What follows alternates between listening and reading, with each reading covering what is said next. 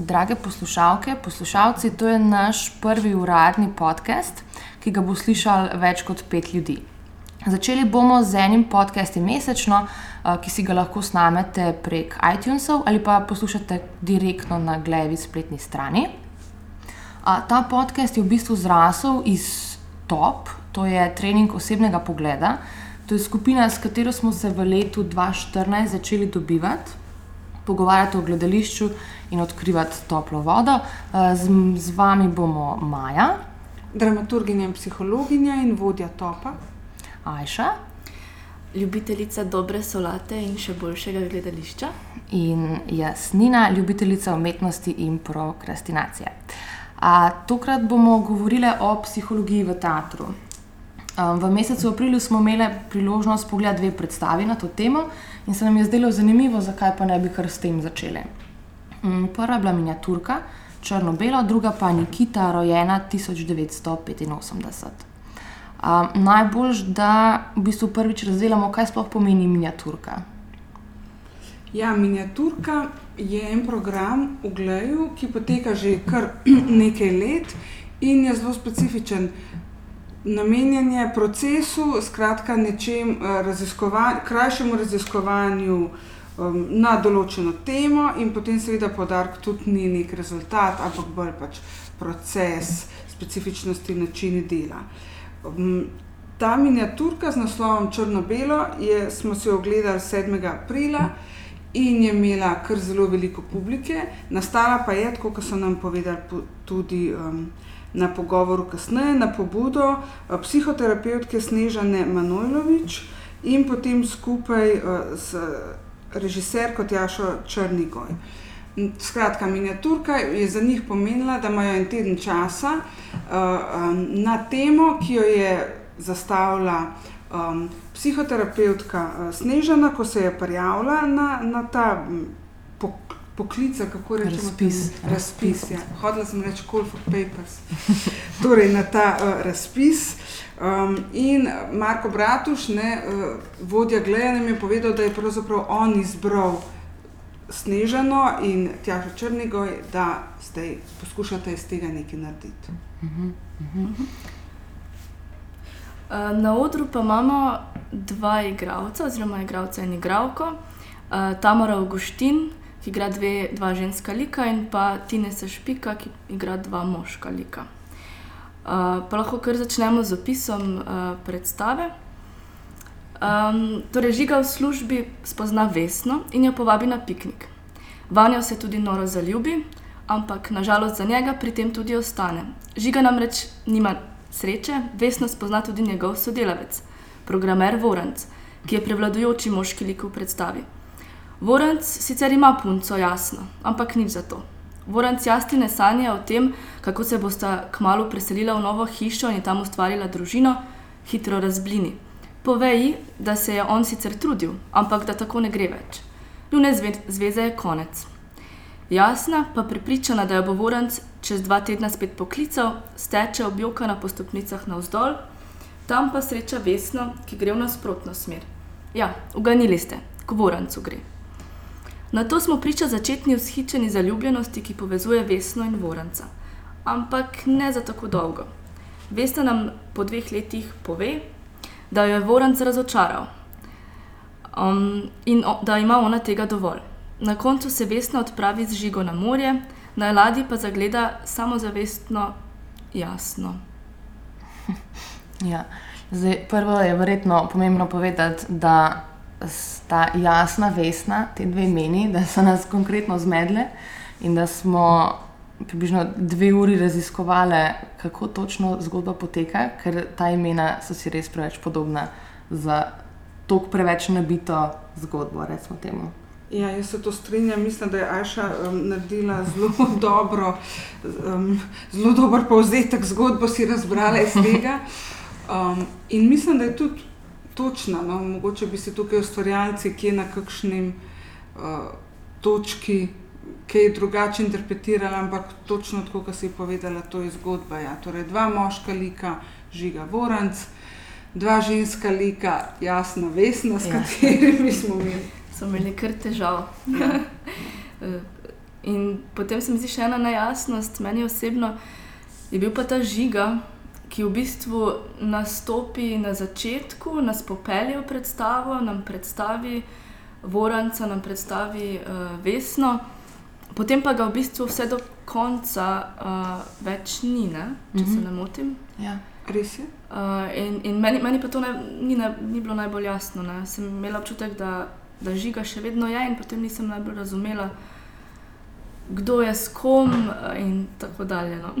To je bila ena taka nejasnost. Um, ja, pa povezano s tem, pa tudi najbrž začetna in končna scena. Uh -huh. Po mojem, najboljše, da na tem mestu malo povemo o, o, o tem. V bistvu predstava se začne z um, koncem, s, te, s to sceno na ladji, kjer gledamo um, žigo, ki zaljubljeno opazuje vesno.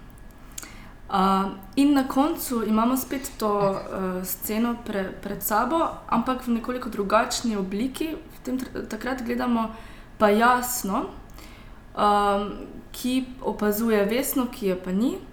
Um, žiga pa se nahaja nekje na obrobju, um, že skoraj da v zakolisju, in, in je malo, malo ravno zaradi tega nejasno, ker, ker nastopa v obeh scenah, ampak ne v isti vlogi, oziroma ne na enak način. Ja, ja, ker bi mogel bi biti na istem mestu, kot je bil na začetku. Fizično, recimo, ja. fizično na istem mestu, ne? zdaj pa je tri metre bolj levo ob, ja, ob v bistvu zidu Slovenije. Ja, in smo potrebovali kar nekaj časa, da smo se recimo strinjali, da je to v bistvu ista sekvenca. Ja. Da se začne in konča z isto sceno, pravzaprav časovno z isto, samo da imamo vmes vso to zgodbo, um, pač te jasne in vesne, ki sta si zamenjali usodo. Ne. Najprej je bila ena, dve leti z Vorancem, potem je bila druga dve leti z Vorancem in zdaj je ne, tista prva, ki je bila najprej izvesela, se dejansko po teh dveh letih, ko jih ta druga preživi z njim, a, počuti zelo nekako svobodno. To, to zvemo od druge, ne svobodno, zadovoljno, srečno. Mhm. Zdaj, kar se meni zdi še pomembno omeniti, je to, da so v bistvu da so bili vsi štirje, spravi oba igralca, režiserka in gospa Snežena, da so bili v bistvu vsi štirje ustvarjalci tega. Se pravi, Ja. da je vsak vložil neke svoje osebne zgodbe in da so se prve tri dni večinoma samo pogovarjali in psihoanalizirali. Recimo temu, da je vsak verjetno košček svoje izgubljene ljubezni noter vrgel, da je pol se to nastalo. Pa tudi sami so eh, rekli, če se ne motim, da je to delovalo za nje kot neka tudi psihoterapija, mm -hmm. kar se mi je zdelo zelo zanimivo. Glede na to, da je pri miniaturki ravno proces toliko pomemben. In sem si kar zaželela, da bi tudi jaz uh, na mesto k psihologu šla naprimer, uh, in ustvarila kakšno predstavo. Mhm. Ja, to je bil tudi meni neki najljubši del vsega, je bil pravzaprav ta pogovor po predstavi. Ja. um, kjer, ja, kjer smo lahko slišali točno te stvari, kaj so pravzaprav želeli, kako so delali, da je bilo veliko pogovarjanja, ne, kar je nekako, seveda, se mi zdi začetek pač vsakega dela in da zdaj v enem tednu so pač postavili eno zgodbo, ki smo jo, mislim, da dokaj uspešno razvozlali. Ja. Mm. Ampak se nam je pa mogoče zdelo, da niso dosegli tistega, kar so hoteli. Oni so na, na, napisali, da bo to poskus gledališke preobrazbe ene izmed takšnih tragičnih zgodb, tragičnih v narekovaju. Ekipa ustvarjalcev se bo osredotočila na ljubezenske zgodbe in tako naprej.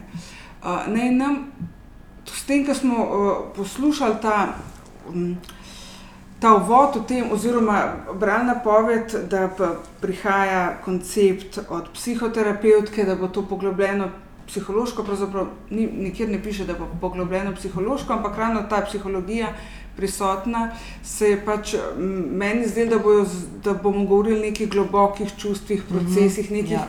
kompliciranih situacijah. Ne. Ampak nekako za ogledališčenje tega so oni vendar mogli neke točke si izbrati, in potem je zgodba govorila za moj okus bolj o zaljubljenosti, kot pravzaprav o ljubezni. Ne. Najprej je bil nekdo zaljubljen, pa je en par razpadel, pa je bila sveža zaljubljenost, pa je spet par razpadel in zdaj je neka ta možnost, da bo ta druga ženska ali prva ženska, pač tista, ki zdaj je v procesu uh, razkrajanja zveze, se obrnila njena nekako soda na vzgor. Ja, jaz se strinjam. Um, tudi se mi zdi, glede, um, jo, kaj sem zamislila reči. Um, sekunda. Ja, da.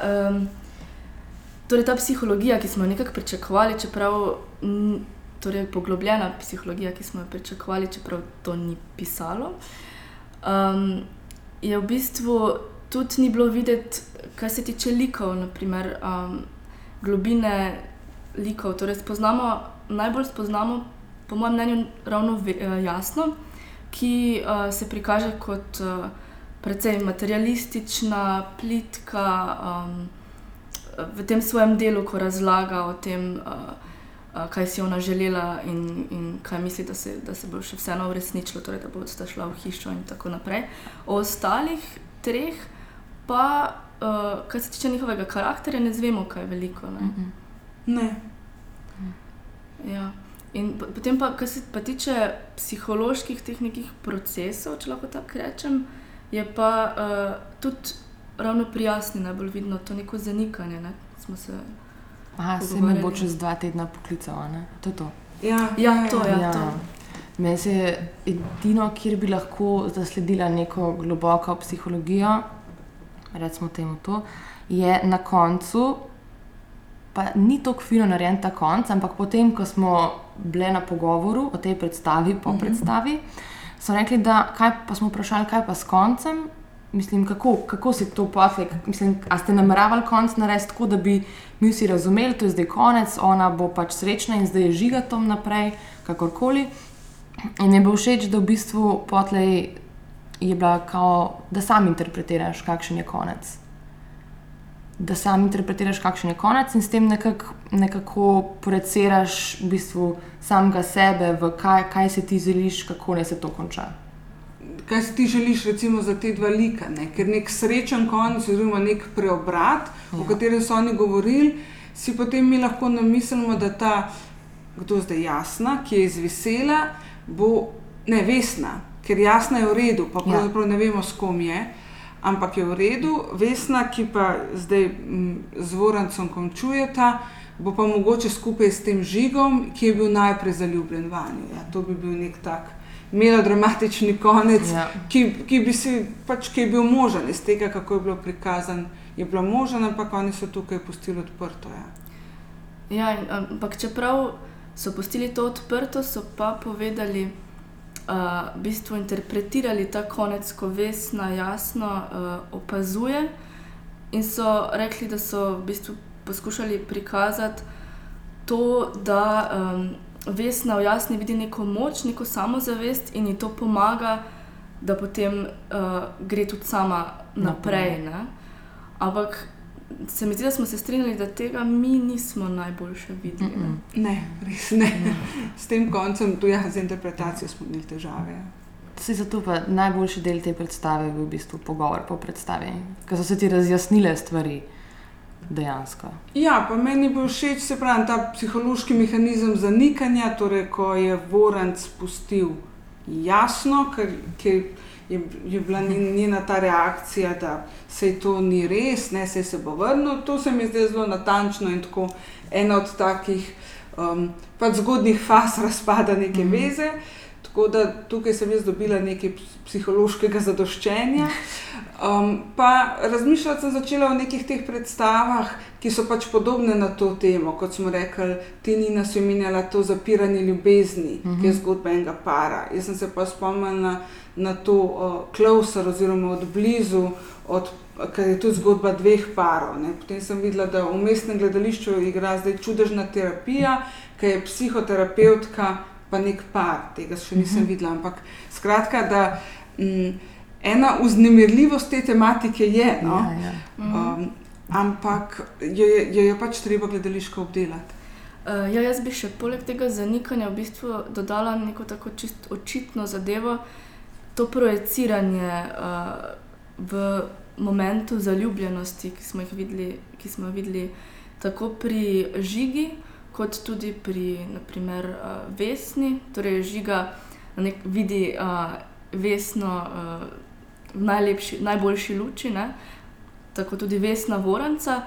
Uh, in pa potem neko to razblinjanje iluzij, um, ko, ko vesna ugotovi, da v bistvu voranc ni to, za kar si, je, mi- kar si ona mislila, da je, oziroma za kar se je on predstavljal, da je. Ne? Mhm. Mm. Ja, pa jaz bi še nekako uh, pohvalila, meni osebno se je zdelo, da čeprav ni, ni bilo neke ps- psihološke globine, pa, je pa bilo ogromno nekih komičnih elementov, ki so mene osebno nasmejali. Sicer se nisem krohotala, ker pač to ni v moji naravi, ampak nekako notranje je bilo. Ne? Uh, je bilo, mislim, ogromno nekih takih twistov in, in komičnih zadev, s katerimi so držali napetost publike no, ves čas. Zdaj ne vem, če se mogoče ne, eh, ne strinjate z mano, kaj povete. Ja, v bistvu na začetku sem jaz, ker smo bili v dvorani, je bilo še recimo ene 15 mlajših ljudi, ki ne vem, ali so bili sošolci ali so bili. Je bilo to kdo njihov učitelj, nisem, ne vem, ne razumem, ampak v glavnem tistega krohotanja njihovega, ker to prvih deset minut, so se vsakmu gibu, ki mogoče sploh ni bil mišljen komično in definitivno ni bil mišljen ko- komično, in so se ful krohotali, meni to motil, ker pač nisem. To mi, to mi ni bilo všeč. In pa je cela predstava malo pustila tak grenak priokus, ker ne vem, ni, ni mi bilo všeč to. In potem tudi tistih pos, potem komičnih vložkov. Mi tudi mm, nisem jaz človek komičnih vložkov in, komedij in takih stvari. Ja, meni se zdi, da nekaj te ironije je prisotne, pa mi je bila tudi kar všeč. Se pa strinjam, da sem se na začetku zelo bala, koliko časa bo to krohotanje in to trajalo, ker bi prej, če lahko to malo psihologiziram, rekla, da gre za nek. Ne, um, obramba do tematike mm -hmm. ne, in da se pač režijo nima, zato da se ne bi spustilo to zgodbo, ki bo očitno, mo, če, če se začne zaljubljenostjo, morala zaplavati tudi Ja. ne, navzdol. Tako da sem jaz bolj tako imala, ampak se mi je zdelo, da okay, to, se je to se je umirilo, pa potem smo pač spremljali, kako so in so bili kakšni notranji smehci. Mhm. Ja, sem jih tudi jaz. Notranji. Kaj pa, da bomo zdaj zaključili o tej predstavi, samo še do vsaka pove en plus, pa en minus. A, veš kaj, jaz mislim, da moramo še povedati. Moramo povedati, da oni zbirajo te zgodbe. Uh, Na, po predstavi so povedali, da bi radi še uh, razvili uh, to, to tematiko, te teme in tako, in da zbirajo ljubezenske zgodbe na, zdaj pa pozorno poslušati, na naslovu Glej ljubezenske zgodbe, afna.gmail.com. Skratka, čisto enostavno, glej ljubezenske zgodbe, vse skupaj. Rekli so, o, pošljite nam svojo ljubezensko zgodbo, ki jo bojo uporabili ali gledališko, ali pa celo izdali pisno, in potem si lahko tudi zmislimo pseudonim ali kaj takega. Um, ta pobuda mi je bila zelo všeč, upam, da, bo, um, da se bo obdržala. To bi bil en plus, drug plus, da nasplošno se mi zdi tudi, da sta igralca v enem tednu um, kar veliko naredila in da sta bila tako zelo fina in da smo jih lepo gledali. Um, minus pa mogoče ta nejasnost eh, zgodbe oziroma ta fokus na zaljubljenost. Meni, bi bilo, meni osebno se mi zdi, da bi bilo bolj všeč, če bi mogoče izbrali kakšen drug moment, ampak evo, mogoče je to moj osebni okus. Ja, v bistvu, Maja, jaz mislim, da si že skoraj vse povedala. mislim, uh, jaz sem dosti podobne uh, pripombe in pohvale. Torej, ta nejasnost, ki, zaradi katere do konca nisem najboljše razumela zgodbe. Um, pa še tu bi mogoče dodala en element, ki ga nisem najboljše razumela. Uh, v enem trenutku žiga pride uh, na sceno z poročno obleko. In Točno. potem simulira nek spolni akt s to poročno obleko, in mi ni najbolj jasno, čemu izbira ravno tega, ko so oblačila, ki, ki hočeš nočeš, ima neko konotacijo in deluje kot nek znak, torej a se, bo, a se bosta poročila, kakorkoli. Ne? Mhm. Um, Pa zelo pozitivno, pa ja, odlična igra. No. Meni je bilo zelo, zelo sta mi je bila všeč uh, protagonista. Ja, jaz se isto igralca, sta bila meni res krasna. In v enem tednu sta naredila veliko več, kot bi marsikdo naredil v bistvu v dveh mesecih. recimo. Um, kar je pa minus, je pa mogoče, da glih to moje pričakovanje o tem psihologiji v teatru, da je bilo moje pričakovanje preveč visoko in oni pač niso dosegli tega, nisem jaz v zgodbi čutila nobene globje ljubezni, globjih čustev, ker jih pač niso, ne vem, niso zmožni bili prikazati v tako kratkem času, v tiste pol ure, v tistem enem tednu. Um, zdaj bomo pa za majhno pauzico poslušali en tematski komat. Then love, love it tears apart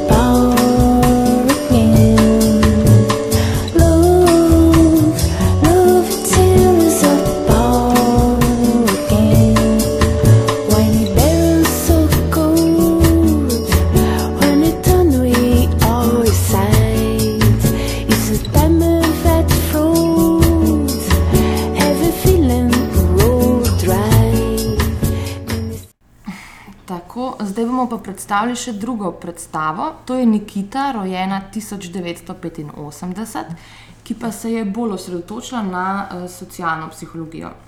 O tem bo sicer kasneje več povedala Maja, ampak ne preveč, ker bo zihar pristranska, glede na to, da je soavtorica in dramaturginja na tej predstavi. Najprej pa bom jaz na kratko povzela vsebino. Spravi, ta predstava temelji na Milgramovem eksperimentu. Um, to je nek niz socialno-psiholoških poskusov, ki so se začeli v letu 1961. Res je? Ja. Spravi pod pretvezo, da raziskujejo neko pomnjenje in učenje, v bistvu oni merijo odzivanje in uboganje avtoritete. Um, predstava pa v bistvu m, je ena sama igralka in ona igra vse te tri vloge, oziroma še več. Gre za vodjo eksperimenta, oziroma sivo haljo, kot je bil uh, poimenovan v predstavi, in učenec, ki odgovarja na zastavljena vprašanja.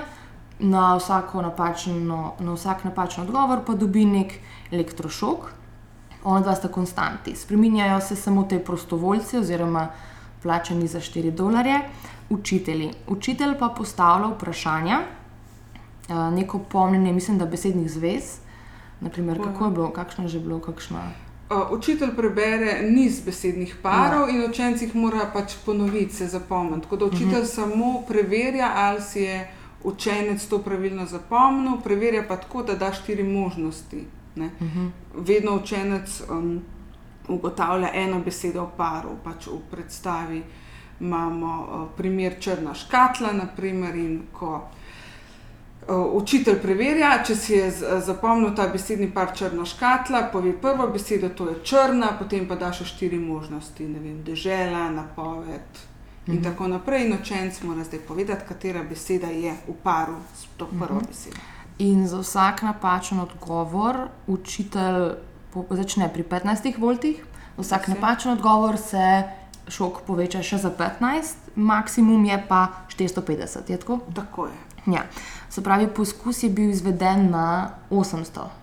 Uh, obstaja 18 različic poskusa, oziroma uh -huh. tako da na, na, na samem, torej v realnosti ta poskus ni imel 800 ljudi, ki, um, ki bi šli čez poskus, ampak je o- nekje, to je ocena, 800 ljudi um, sodeluje v vseh teh poskusih, skratka v vseh različicah, uh -huh. potem plus v tem ocenjevanju, koliko ljudi bo šlo do konca in tako nekako.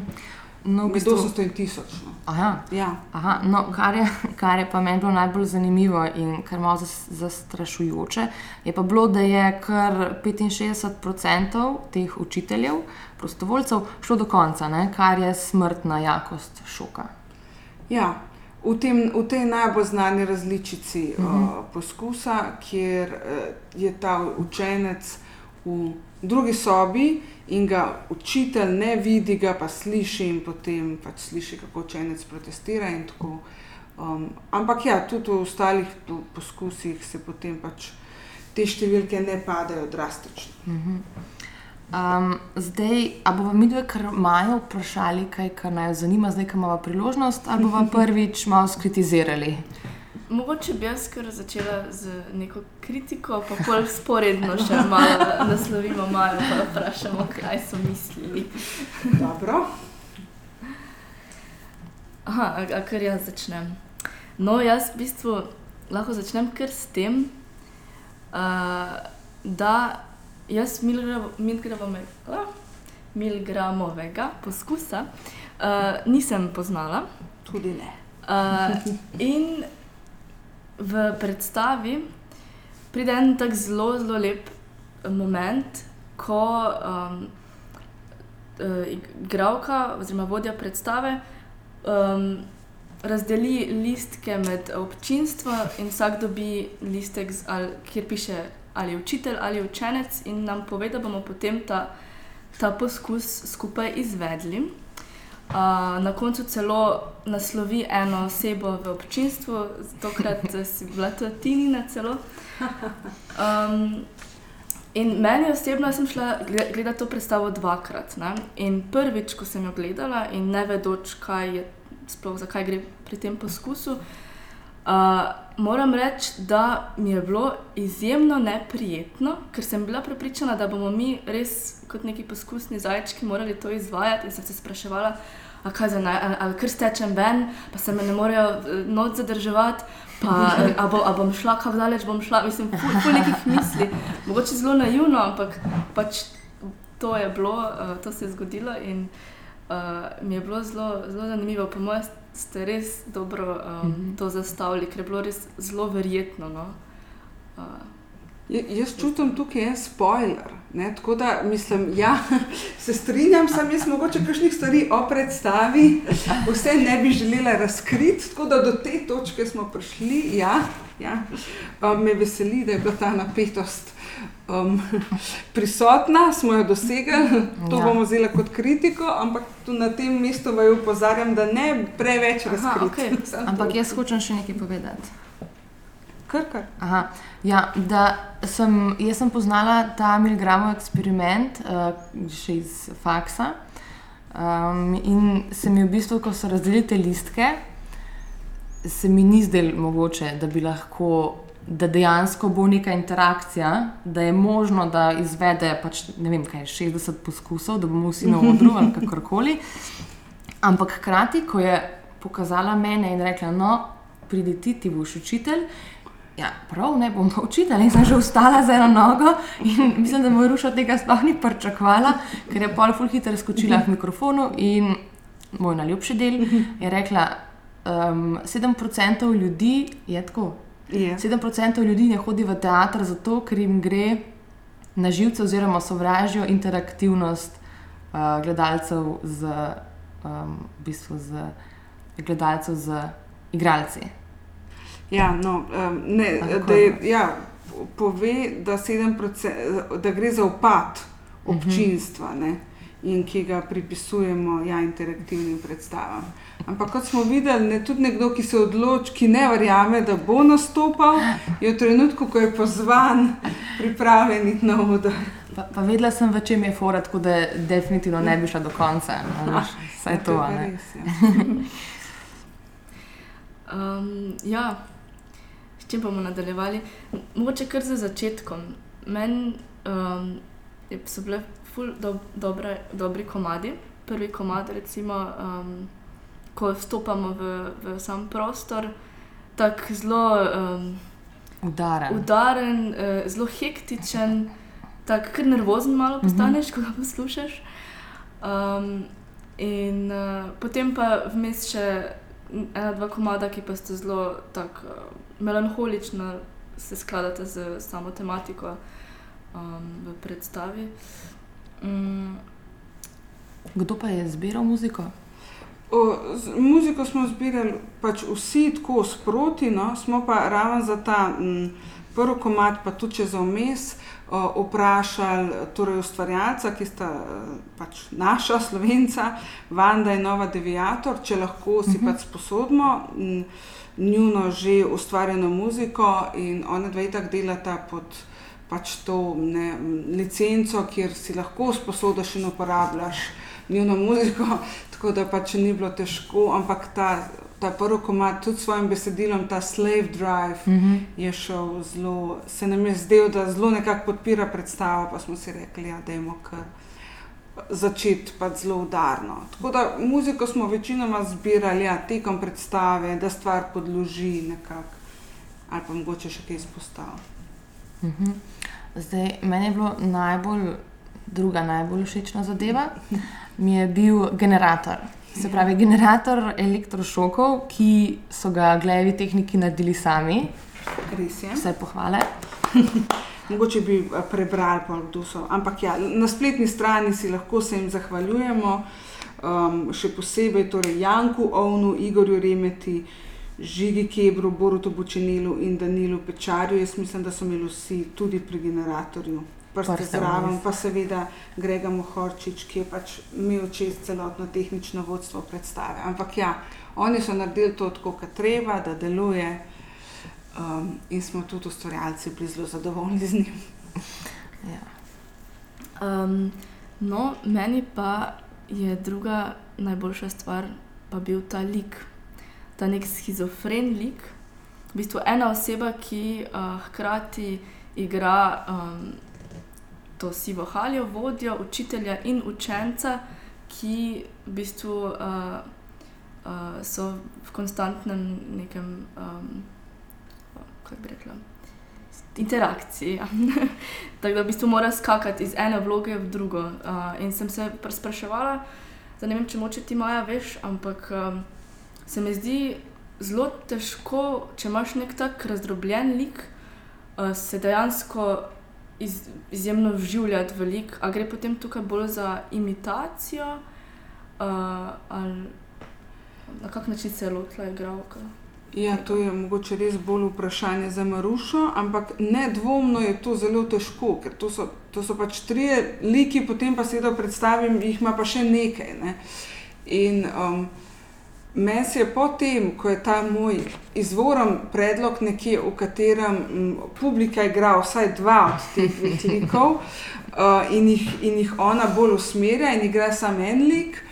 Um, in ko smo se pač odločili za, za drugo, za težjo variantno, se mi zdi, da, je- da smo zdaj že prešli v to neko športno disciplino. Ne? Da zdaj je to res neko njeno garanje in tako, da ima Maruša, če boš zmogla tako toliko pač. Uh, dobro skakati in imeti neke te hitre, hitre prehode, in tudi um, uh, hitre, ja, te ne, neke psihološko-emocionalne emocionalne prehode. Uh, delali smo tako, da smo se pogovarjali za vsak lik posebej. Po, potem je bila pač njena naloga, da zna res hitro um, iz enega lika v drugega prestopiti in da, um, da jih ne povezuje med sabo. Ne. Tako da to, to zdaj, kako to ona naredi, se, ne, bo, se bomo mogoče kdaj drugič pogovarjali, pa še z, pač z drugimi igravci, ko hitro menjajo like, ampak pri tem mora biti kar natančna in recimo to je meni, moram reči, da vsakeč pravzaprav tudi užitek gledati. Da, da, da hočem videti, kje se zdaj zgodi ta transformacija, in tako naprej, ampak ima pa res pač veliko dela s tem, in seveda se zgodi, se mi zdi tudi, da mogoče kaj prehaja en lik v drug, sploh emocionalno, ne sploh, ker je pač ta učitelj potem ima veliko nekih mešanih občutij, pa je tudi jezen in zdaj, ne, ali je tudi vodja poskusa jezen tukaj, ni tako da to je kar um, zapleteno. Vsekakor jaz mislim, da je odlično uspelo, ker kot si rekla, to je Mhm. zelo težko uh, igrati tako tri like enega za drugim. Um, mm, potem bi pa jaz mogoče, ali pa ni da imaš ti kakšno stvar? Ja, jaz imam še eno dodatno opasko, o kateri sem razmišljala potem dolgo v noč, včeraj po predstavi. da že mi smo imeli prej, ne vem koliko časa nazaj, pa že tiskovka ne, za Nikito. In že takrat je bilo omenjen inštitut Jožefa Štefana. Vsaj tako mi je v glavi, jaz sem pripričana v svoj prav.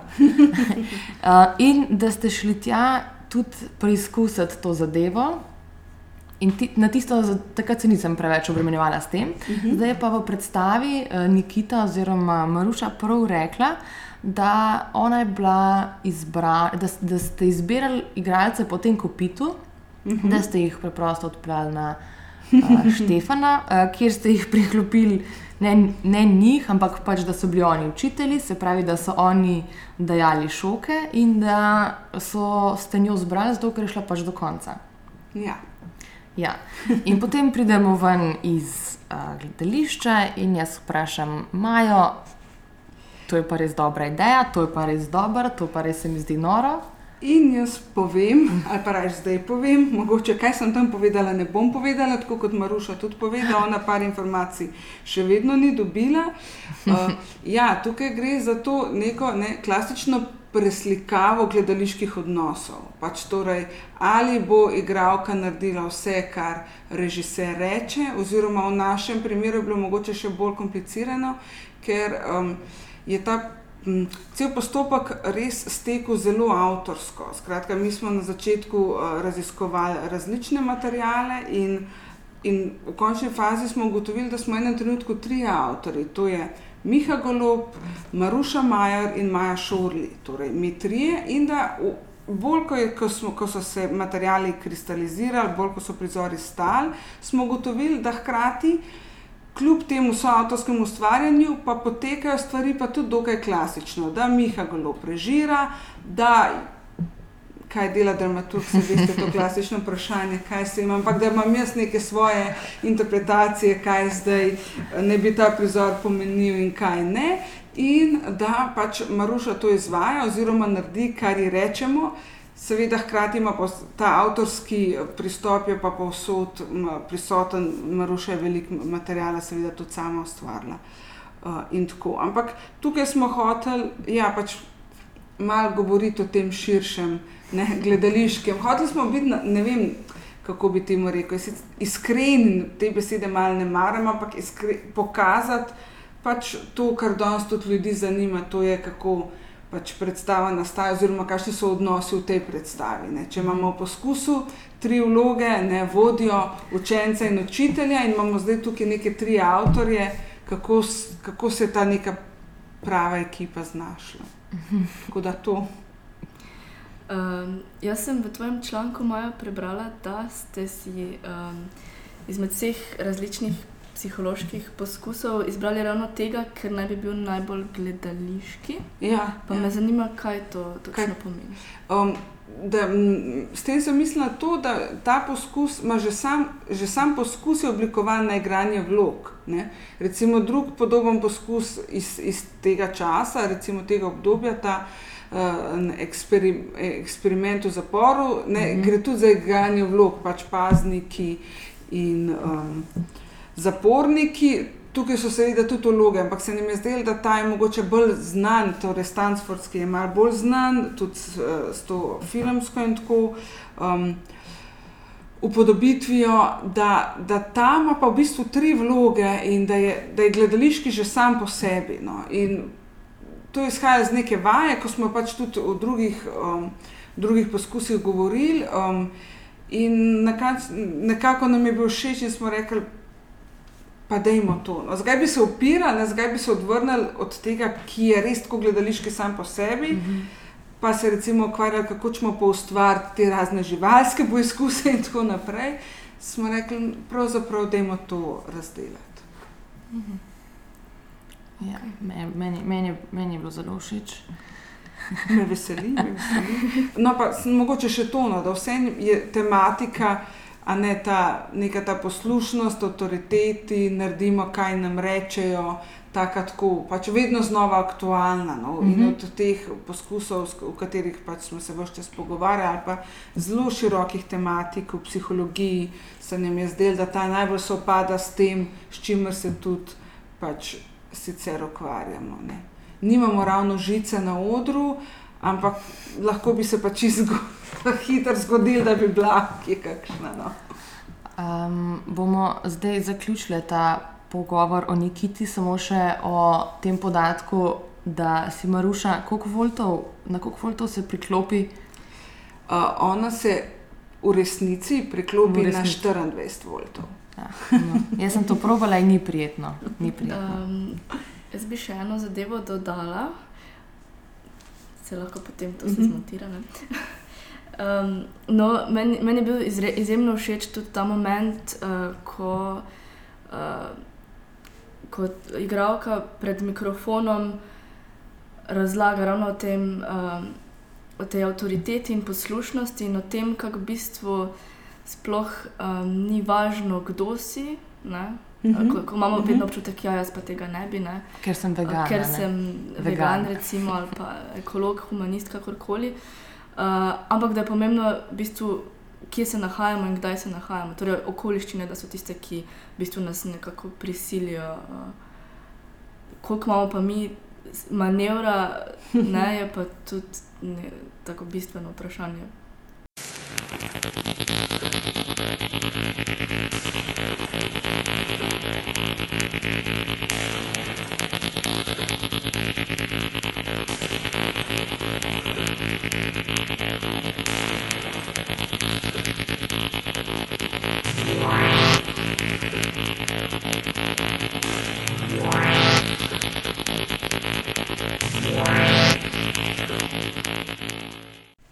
Zdaj, konec aprila, nas boje čaka še ena predstava, Bolan človek po motivih Dostojevskega, ki, kar se sliši v bistvu precej psihološko. Ajša se bo pogovarjala z igralcema in iz njih izvlekla par podrobnosti, ampak to ne bodo spoilerji, tako da ne prenehati poslušati. Mhm.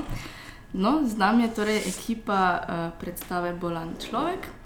Uh, režiserka predstave Tatjana Pršuh in igralca Rok Matek in Andrej Zalesjak. Zalesjak, oprosti. Se sem, sem se spraševala, kako se naglasiti in sem očitno narobe. Um, okay, uh, torej vaša predstava vsebuje uh, motive romana Zapiski iz podpodja, ki, ki ga je napisal uh, Dostojevski.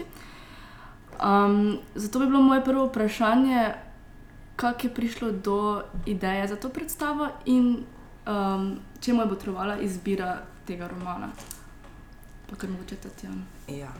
Glede na to, da sem jaz prišla z tekstom in idejo in uh, nabrala ekipico okrog, mislim, da je to kar name usmerjeno. Ko sem jaz to prvič prebrala, uh, sem se zelo uh, nasmejala uh, tragično humorni noti našega pripovedovalca.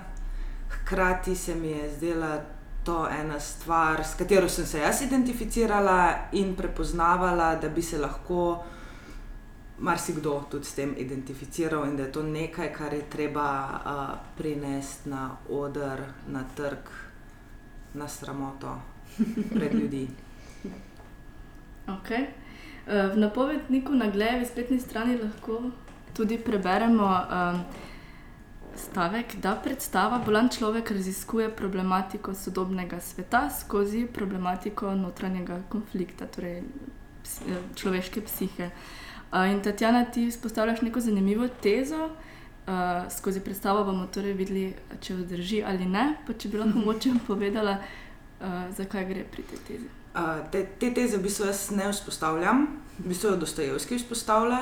Torej, on uh, odgovor na vprašanje, zakaj je svet slab, pokvarjen, brez moralnih vrednot, itd., itd., to, kar že vrabci na drevju čivkajo in kar poslušamo vsak dan iz razno raznih strani. On išče odgovor v človeku in v nasprotujočih si elementih, ki jih ima vsak človek v sebi. In da človek ni samo racionalno, intelektualno bitje, pač pa še vse kaj drugega kot to. In konflikt med tema dvema pač pride do, um, pripelje do razno raznih eh, želja, hoten, ki niso nujno pametna. In so lahko tudi destruktivna, in tudi slaba, škodljiva, karkoli. Zdaj mi smo to obrnili, uh, Dostojevski to v tem podpodnežu vse daje v enega človeka. Torej, to je zelo nazorno, eh, kako se tale pripovedovalec podpodne šnegira sam sebe, vzpostavlja neko misel, pa jo takoj obrne in gre proti sebi. Mi smo to dali na dva igralca, mi smo to v dialog spostavili. Uh, v želji in v funkciji, da bi to, eh, ta konflikt, ki je najprej razdvojen, da bi to bilo bolj nazorno, da se potem to lahko ponotranje. No? To je pač uh, to stališče, ki ga imamo. Ok, super. Pa, pa še eno vprašanje imam za igralca. Uh, ker je v bistvu te predstave v bistvu notranjost človeka, torej človeška psiha uh, in se igralca ves čas uh, obračata navznoter. Me zanima, kakš, kakšen je bil proces vaj oziroma specifika mogoče ustvarjalnega procesa pri tej predstavi, če je kakšna.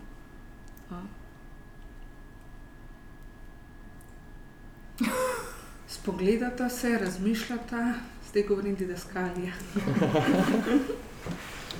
Um, hm, Dej rok, ti si starejši. um,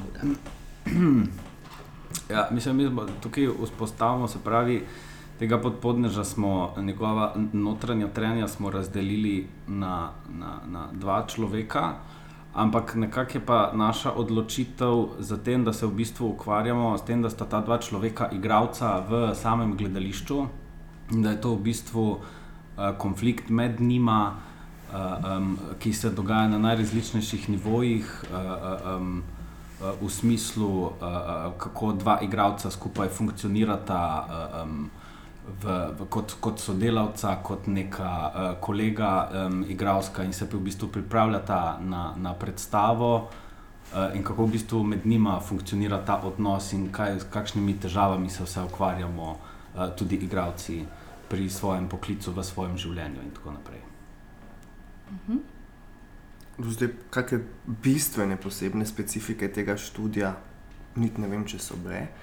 Mogoče, da smo si malo več časa vzeli pred samim tem klasičnim štartom vaj, recimo že s čistim, čistim tekstom, bralnimi vajami, smo se mogoče kar nekaj mesecev prej sestajali, pa pregovarjali idejo, v bistvu že samega romana, pa mogoče kaj bi mi sploh radi povedali, pa kje najdemo te na, neke naše osebne identifikacijske točke med nami pa romanom. Pa po mojem tudi to, da smo mogoče malo analizirali, pa prerešetali naš vsakdanji gledališki svet, pa naše vsakdanje gledališko življenje in delo. In iskali neke eh, za gledalca, vsekakor zanimive adaptacije, nekatere smo prilagajali Dostojevskega. okay. Hvala za odgovore. Uh, zdaj, mogoče imate še dve, Maja, Nina, kako vprašanje? Meni se to sliši super. Meni bilo, jaz sem samo to hotel izpostaviti, da mi je bilo všeč, ker smo se prej pri Nikiti pogovarjali o tem, kako je tam ena igralka in najmanj tri liki in zdaj ona iz enega drugega, tukaj ste pa ne, neko notranjost dali na dva igralca in to razširili in se mi zdi super. Mhm. to, to, to, ne, to me zanima, tako, to ajde, ko mi čakam. Tako da toliko z moje strani, še ti kaj ni. Ne, meni sta odgovorili na samo eno notranje vprašanje. Tako da nas zanima sam še. Predaleč pa ne smemo iti, ker potem bo um, predstava ne bo to. Ja, jaz mislim, da je zdaj čas, uh, da za konec prisluhnemo Roku in Andreju, ki nam boste pričarala en košček predstave, na katero ste vabljeni 27. in 28. aprila ob 8. v Gleju. No, kar ozrite se malo po zgodovini človeštva. Kaj ste opazili? Je veličastna? O, lepo te prosim, tudi nekaj veličastnega je vmes. A je pisana? Lepo te prosim, tudi pisana je tu pa tam. Že samo, če človek pogleda skozi vsa stoletja, pri vseh ljudstvih, vse mogoče noše, uniforme, oprave, kostume, ej, že samo to je nekaj vredno. Je enolična? No, pa recimo, da tudi nekaj enoličnosti je vmes. Ljudje se tepejo in tepejo, prej so se tepli, zdaj se tepejo in potem se bodo tepli. Kar lepo priznajte, meni se to zdi že kar malce prehudo enolično. Skratka, vse je mogoče reči o svetovni zgodovini. Vse, kar le more šiniti v glavo še tako neurejeni domišljiji. Samo nečesa ni mogoče reči o človeški zgodovini. Da je pametna. To. Ampak na kakšno čudno reč lahko naletite vsak trenutek? Kar naprej lahko v življenju srečujemo same pametne in spodobne ljudi.